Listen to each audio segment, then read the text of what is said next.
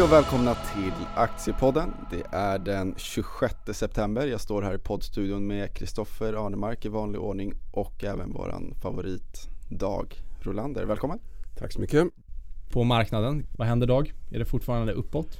Är det kollaps uppåt nu eller? Det är kollaps upp och ner. Nu, Ja, det är väl lite ner. varannan dags inför de här- handel igen tycker Ja, jag. de här tiderna. Med, Ja. med, alltså i Sverige med valet händer ju absolut ingenting på börsen. Men eh, internationellt så, så, så är det ganska mycket politik nu ef- eftersom vi väntar på rapporterna för tredje kvartalet. Mm. Och rapporterna, liksom i somras, kommer att vara väldigt bra för tredje kvartalet. Så att, eh, det, det är lite väntans tider och då får vi ett annat nyhetsflöde och det påverkar börsen. Men fundamentalt så har det väldigt liten betydelse.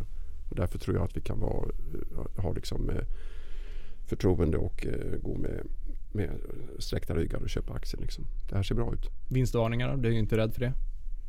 Det kan ju komma enstaka vinstvarningar men, eh, men eh, Ja, för de som har kommit nu har väl mest varit väderrelaterat. Jag tänkte på Husqvarna framförallt förra veckan. Och Zalando? ja. Zalando visserligen, men- och de Ja, skyller ju ja. på vädret. Eh, men å andra sidan kommer H&M med bra siffror ja, samtidigt. precis. så att, BMW Ja, vinstvarnade ja, igår. jo, ja, okej. Flaggade Den- för lite sämre marknad. Jo.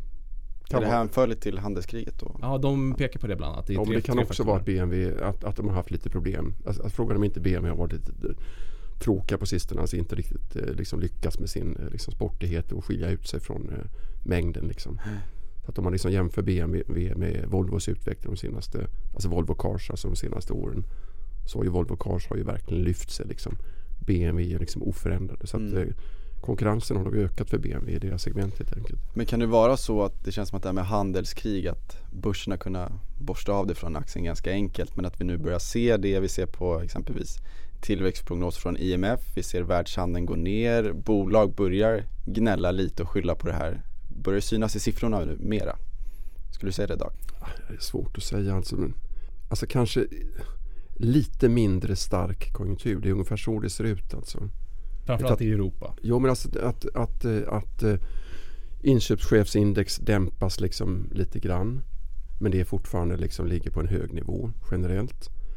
Eh, Siffrorna i Europa är väldigt speciella eftersom, det är så, eftersom tillväxttakten även när det går bra vad handlar ju om 2 typ och så, och så dämpas den och så kommer vi ner på 1,9, 1,8. vad Det, det, det, det är väldigt små skillnader.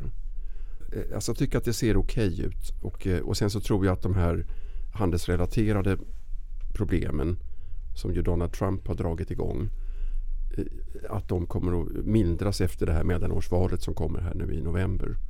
Därför det är så himla viktigt för Republikanerna och Trump att, eh, att behålla makten i kongressen. Så de kommer att, eh, att försöka få, få, få ett stort valdeltagande från sina hängivna supporters liksom, som röstade fram Trump 2016. Att få dem att gå till valymnerna valurnorna trots att det är ett mellanårsval. Och valdeltagandet är bara 40 procent i, i, i de här mellanårsvalen. Så Det är så lågt alltså. Ja, så det är ett otroligt lågt valdeltagande. Och det gäller att få sina, liksom, eh, att få sina supporters dit och rösta. Trots att det, att det är en ganska ointressant eh, Men du tror inte att han kommer skruva upp retoriken inför det här mellanårsvalet? Då? För Jo, det finns ju de här October surprises och grejer som, som, som kommer mitt under eh, som, som kommer i, i oktober, alltså om, om några veckor. Liksom. Och eh, för att liksom höja temperaturen och få, få ens egna eh, väljare att verkligen gå och rösta.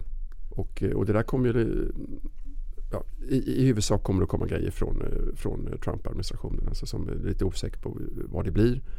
Men, men det, det kommer att blåsa över för att valet kommer att blåsa över. Och det är inte så stor risk att, att Trump förlorar makten eller något liknande sånt. Liksom i, alltså han kan förlora makten i representanthuset. Republikanerna kan förlora där.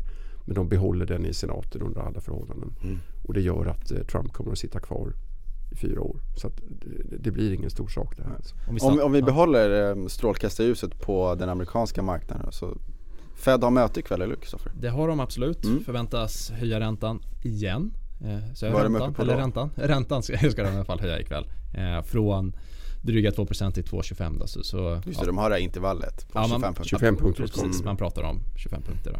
Eh, Så får vi se här. De planerar ju även att eh, trappa ner eller banta sin balansräkning lite kraftigare. Mm. Det har vi pratat om väldigt mycket tidigare i podden att det är ett av de här stora teman som vi har lokaliserat inför sista kvartalet. Då. Att man ska för nu ligger man i en takt runt ja, är det 30 miljarder dollar per månad. Men nu ska man skala upp de här nedtrappningen, ska man kalla det, till 50 miljarder per månad. Så det är 600 miljarder dollar i årstakt.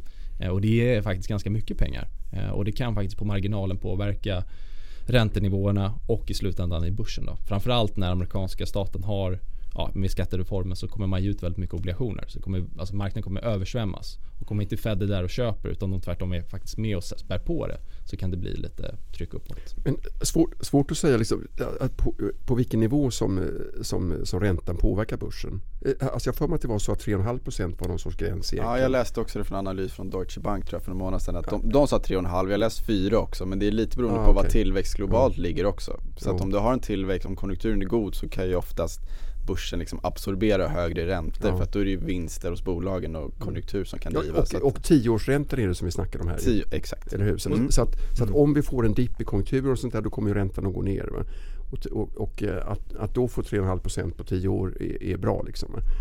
Så, att, så att det är otroligt lurigt tycker jag att, att, att bedöma det här hur penningpolitiken kommer att påverka börsen eftersom det är väldigt mycket som talar för att man är tvungen att hålla nere räntenivån. Bland annat eftersom statsskulden i USA är, är, är ju 20, 20 triljoner, vad heter det på svenska nu Biljoner. Ja, det heter biljoner ja. Alltså tusen miljarder. Ja, 20 000 miljarder dollar är liksom statsskulden på nu och det, och det är lika mycket som BNP. Det är 100 procent av BNP. Så att om man höjer räntan med 1 procent så, så, så, så, så, så ska staten ut med, med ytterligare 1 procent av BNP liksom i, eller plocka hem ytterligare 1 procent av BNP för att kunna balansera budgeten. Vilket ju är väldigt eh, komplicerat. Ja, det här pratade vi om i förra podden just att därför kanske man kan argumentera för att vi kommer ha låga räntor. Ja, eller ändå. expansiv penningpolitik. Igen, måste ja. hantera... Ja, det kommer en Q4 då i sådana fall menar du? Nej, nej alltså expansiv penningpolitik måste fortsätta att hantera eh, alla tecken till sättningar i ekonomin. Mm. Därför att det finns inte liksom, möjligheter att eh, att hantera det på annat sätt. Så Åtminstone för att upprätthålla status quo. Så ja, måste för de, man ha ja, för det. man har gått för långt och statsskulderna är för stora. Så, att, eh, att, eh, så du flaggar för Q, Q4-paket nu från Fed? Alltså om, om vi får besvikelse konjunkturmässigt så kommer vi att få penningpolitiska stimulanser igen. Alltså. Det, det, det är liksom vad jag tror. Mm. Och, eh, och, vilket vad ska att, Riksbanken och ECB göra då? De som inte ja, har hunnit höja räntan än? Jo men alltså där borta i USA så har de en, ändå en inflation på I USA ja. Mm. På, vad är det Kristoffer? 3,5 procent? Ja det ligger 2,5. Ja. I alla fall kärnkopi va? Ja det beror på vilket mått vi tittar mm. på. Jo men typ. Men, medan i Europa så har vi inte alls den inflationen. Eh, tack vare då inom citationstecken att vi har så låg tillväxt i Europa. Mm. Och, eh, och eh, så att det, Men Europa brottas ju nu med, alltså som stor nettoimportör av olja så kommer ju det, det kommer ju rinna igenom också nu. Oljepriset, alltså Brent, Nordsjöoljan är ju över 80 dollar fatet. Så det kommer ju kännas. Särskilt för Sydeuropa. Det är där det kanske blir som svettigast då. Ehm, och, och där har vi redan problem också. Ja, där har vi problem. Ja. Samtidigt som ECB ska också trappa ner sina stödköp. Fast nu man tillför ju fortfarande stimulanser. Så man ska halvera sina stödköp från 30 miljarder euro till 15 miljarder per mm. månad. Och samtidigt som vi pratade om det tidigare i tvn om uh, italienska budgetförhandlingarna. Det har ju, ja, Risken för det har ju tonats ner lite på sistone. Men det ligger fortfarande där. Alltså skulden är stor som man har. Jag har faktiskt lite siffror på det. Den italienska statsskulden är faktiskt största i Europa om man tittar i absoluta tal. Vi snackar alltså 2,3 biljoner euro. Och ekonomin är 1,72 biljoner. Och sen går du till Argentina, Kristoffer. Men det gjorde ju även italienare. För hundra år sedan så stack ju italienarna till Argentina. Ja. Det är samma gäng. Alltså. Du pratar om centralbankschefen som hastigt avgick där. Ja, vilket du tycker är en stor händelse. Det är en stor men händelse. det är en icke-händelse. Nej, det är, det är, en stor händelse. För börsen är det en icke-händelse. Därför att eh, i, i, New York så läser man inte om det överhuvudtaget. Alltså. Det är ingenting. Alltså, du har hittat det här på internet. Vi hade, vi hade kunnat stå här för tio år sedan och om jag sa till dig idag, alltså husköpare, de har liksom fallerat att göra sin första räntebetalning. Och de har alltså misslyckats som first buyers liksom, som man kallar det. Det var ju en tydlig indikation på att krisen var på gång. Och det, det är ju någonting i periferin men om man liksom lägger pusslet så ser man ändå, okej okay, men vänta, varför slutar han hastigt? Och varför har de 60% i styrränta i Argentina? Och, och har problemen löst i Turkiet? Nej, sannolikt inte. Det är en sån liten ekonomi med first buyers. Vad, vad betyder det? Är det svenska Kristoffer? nej, nej det är det inte. Det är det inte. Jag håller med. Alltså, om, om det här med räntor och grejer, eh, eh, alltså det handlar ju om fördelning. Hur om man sitter med en stor portfölj fördelar man mellan, mellan eh, alltså ränteplaceringar, obligationer, aktier och alternativa liksom, investeringar. Och eh, frågan är ändå i ett typ 10-årsperspektiv är det intressant att investera liksom till 3 eh, ränta om nu räntan skulle gå upp till den nivån. Liksom, givet den situation som vi har. Det är det inte. Va? Utan på aktiemarknaden så finns det alltid bra case undervärderade case på olika sätt. Va? Där ska man botanisera därför det är liksom oavsett konjunkturläge så finns det aktier som är intressanta att köpa. Liksom. Så att, eh, och, och, eh, alltså givet eh, de inflationsprognoserna som vi tittar på liknande 2% och sånt där. Att placera i räntor till liksom nivåer på, i Sverige är det ju noll. Men, men amerikanska dollar på 10 år 3% Det är inte intressant alltså, jämfört med aktiemarknaden. Nej och TINA, alltså there's no alternative. Det är nog något vi kommer höra ett tag framöver. Ja, ja, plus att Åtminstone i Japan och Europa. Ja, ja, plus att mm. vi fortfarande har generellt den här riskpremien på 5% på aktiemarknaden. Och den gäller ju liksom över hela linjen. Alltså P-tal på 20 om man kan liksom ligga kvar och, och liksom bara tugga, tugga där. Liksom. Om den är uthållig vinstnivå? Ja, ja, uthållig vinstnivå och ingen tillväxt P20. Liksom. Det är 5% Det är väl där Axfood hamnar någonstans ja. kring. Så att, det, det, alltså räntegrejerna tror jag tar upp för mycket plats liksom i, i eh, pensionsbolag och liknande kommer inte att allokera om till räntor på grund av att räntorna tickar upp några tiondelar och sånt där. Eftersom aktiemarknaden är så mycket mer intressant att eh, verka på. Liksom. Just nu i alla fall. Ja, just mm. nu. Sen kan det ju liksom, ja. mycket kan ändras. För.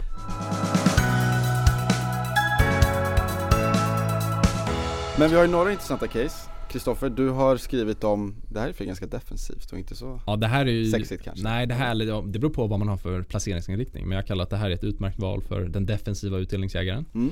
Och vilket bolag talar jag om? Självklart finländska. Vi tittar i Finland igen. Eh, finska, Underbart. Finska Altsia. Eh, och vad gör Altsia för någonting? Ja, det är egentligen Finlands motsvarighet till Svenska Vin och Sprit. Eller Arcus i Norge som är det norska vinmonopolets variant. Och eh, det här bolaget noterades i alla fall i mars i år. Tidigare var det finska staten som ägde 100% av bolaget.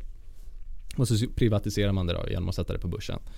Och första handelsdagen var 23 mars och stämningen var i allmänhet väldigt god när den här noterades. Alltså man hade väldigt höga förhoppningar och mycket riktigt så stack kursen också från 7,50 euro som var introduktionspriset ganska snabbt till 9,50 steg den till.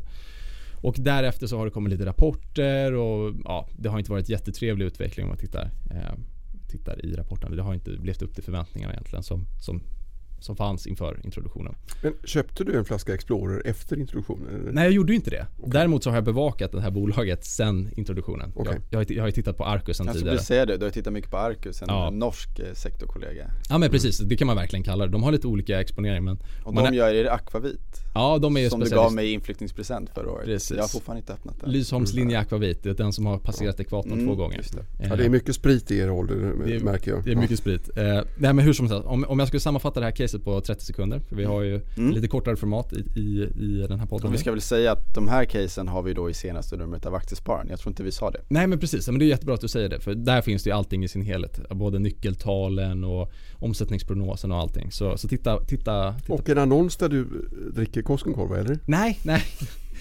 Dessvärre inte men okay. kanske ska höra av mig till Altio och fråga om de vill göra någon reklamkampanj. Ja, det tror jag Ja. Det kommer de att vilja? Ja. Okay. men hur som helst, som Dag var inne på så har de en fantastiskt fin varumärkesportfölj. Och där står man nu inför internationaliseringsarbete. Man har gått in i USA i augusti i fjol med Koskenkorva i USA. Så man har stora förhoppningar om hur Koskenkorva ska slå. Självklart blir det ingen repris på Absolut Vodka men det kan ändå något åt det hållet. Sen har vi Larsen som är deras konjak. Den satsar de på ganska kraftigt i Asien inom premiumsegmentet. Så mycket intressant. Och sen så har vi dessutom nya kanaler i Finland. Man har alkoholliberalisering sedan egentligen första januari i år. Och vad betyder det? Jo, nu kan man börja sälja någon form av alkoläsk eller liknande, alltså etanolbaserade produkter upp till 5,5% volym i dagligvaruhandeln. Så, så det har gett ett, ett, en ny kanal för Altia som tidigare enbart kunnat sälja via Alko då, som är deras motsvarighet till Systembolaget. Kristoffer, du snackar för länge. Vi har inte tid med det här. Nej, nej sorry. Men om jag ska botta ner till det här på mina prognoser PE liksom runt 13 nästa år. Direktavkastning runt 4,5-5%. Och då är det väldigt konservativa estimat. Tittar vi konsensus så ligger de mycket högre. Ah, det låter ju kanon alltså. Ja, det är kanon. Det är billigt, bra, stabilt. Etta på Spritis i Norden. Otroligt alltså. Kanoncase alltså. Ett kanoncase. Helt, helt okänt egentligen. Helt okänt. I alla fall bland svenska Vad placerare. Ja, hade ja, du för riktkurs? Missade jag det? Riktkurs 9 euro.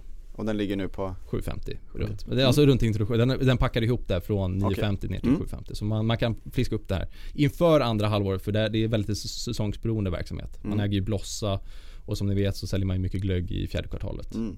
Eh, Man har marknadsandel på över 70% i, i glöggsegmentet. Så ja, ett spännande Okej. case. Mm. Och Och Dag, därför har du tomteluva på dig nu eller? Därför har jag tomteluva. Jag tänkte att vi skulle sjunga lite BLO och SSA men Okej. Kanske lite kan. tidigt. lite tidigt kanske. Lite tidigt. Okej. Men Dag, du gör ju tre analyser till tidningen. Du får begränsa dig till en här i podden. Ja det är alldeles för mycket. Och nu har jag skrivit om, om Veoneer som knoppades av deras affärsområdet Electronics från, knoppades av från Autoliv. Och eh, eh, aktien har ju gått jättebra sedan avknoppningen vid halvårsskiftet och eh, man kom med en, en svag eh, halvårsrapport och eh, aktien har liksom fortsatt upp sedan dess. Så, så att, så att eh, det här är alltså ett, ett eh, teknikbolag som, som, eh, som eh, är verksamt med artificiell intelligens för att läsa av. Alltså man sätter kameror runt hela bilen och så läser man av allting som man ser och så får man en självkörande bil. Eller man kan, man, man kan tvärnita i händelse av att ett, ett ett rådjur hoppar framför bilen eller vad som helst. Sånt där. Och Det här är en teknik som är väldigt inne och att man gör förluster är liksom självklart eftersom den, den här typen av bilar kommer inte förrän om två år. Och eh, bolaget är kapitaliserat eh, med eh, en miljard dollar för att täcka de här förlusterna fram till 2020 när man kommer börja tjäna pengar.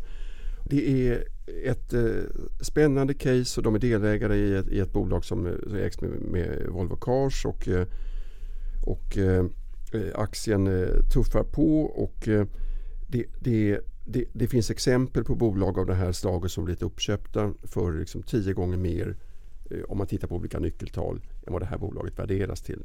Nu, nu håller det i och för sig vi och ner på med, med inte bara elektronik, eh, liksom, eh, självkörande bilar och sånt utan även en del annat eh, kopplat till krockkuddar och så vidare. Men eh, det är ett eh, teknikbolag med eh, spännande potential och eh, det här tror jag är en bra chansaktie. Liksom. Mm. Uppköpskandidat, en liten krydda. Det också. Mm. Ja, det är en väldigt spännande marknad onekligen. Ehm, Hinner vi med en, ett case från dig Ja, Kalle, eller? yes. Uh, Systemair satte jag en köprek på. Det är ju en aktie som har halverats egentligen från 160 kronor till omkring 80 kronor. Det gick väldigt fort där ett tag.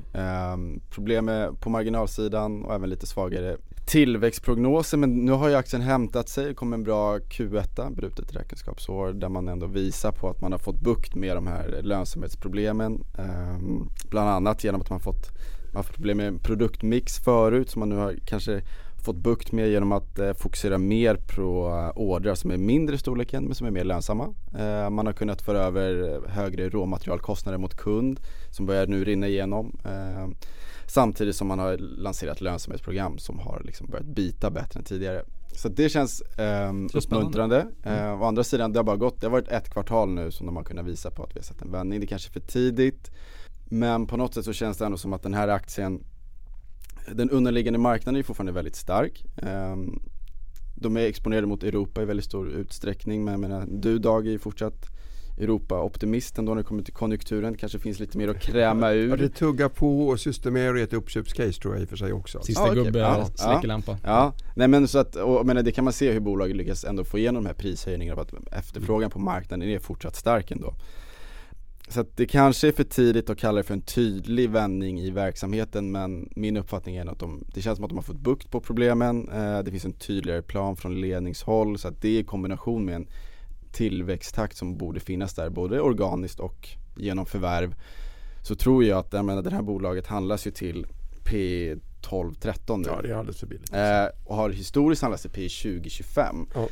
Så att jag menar om du bara kan halvera den där rabatten gentemot peers som, jag vet inte, nu kanske Nibe Mm. är ett extremfall som handlas till P 25 hela tiden men kan du krympa det någorlunda så tycker jag att på något sätt om bara marknaden kan få tillbaka förtroendet för ledningen och vi kan se lite mindre vinstvolatilitet. Vi har ju sett varje år, varje kvartal i extrema svängningar. Kunde man minska dem lite så det blir lite mer förutsägbart, kanske öka på eftermarknadsandel något så, så tror jag nog att det här borde kunna värderas upp.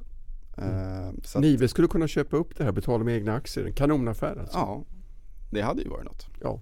Luftvärmepump.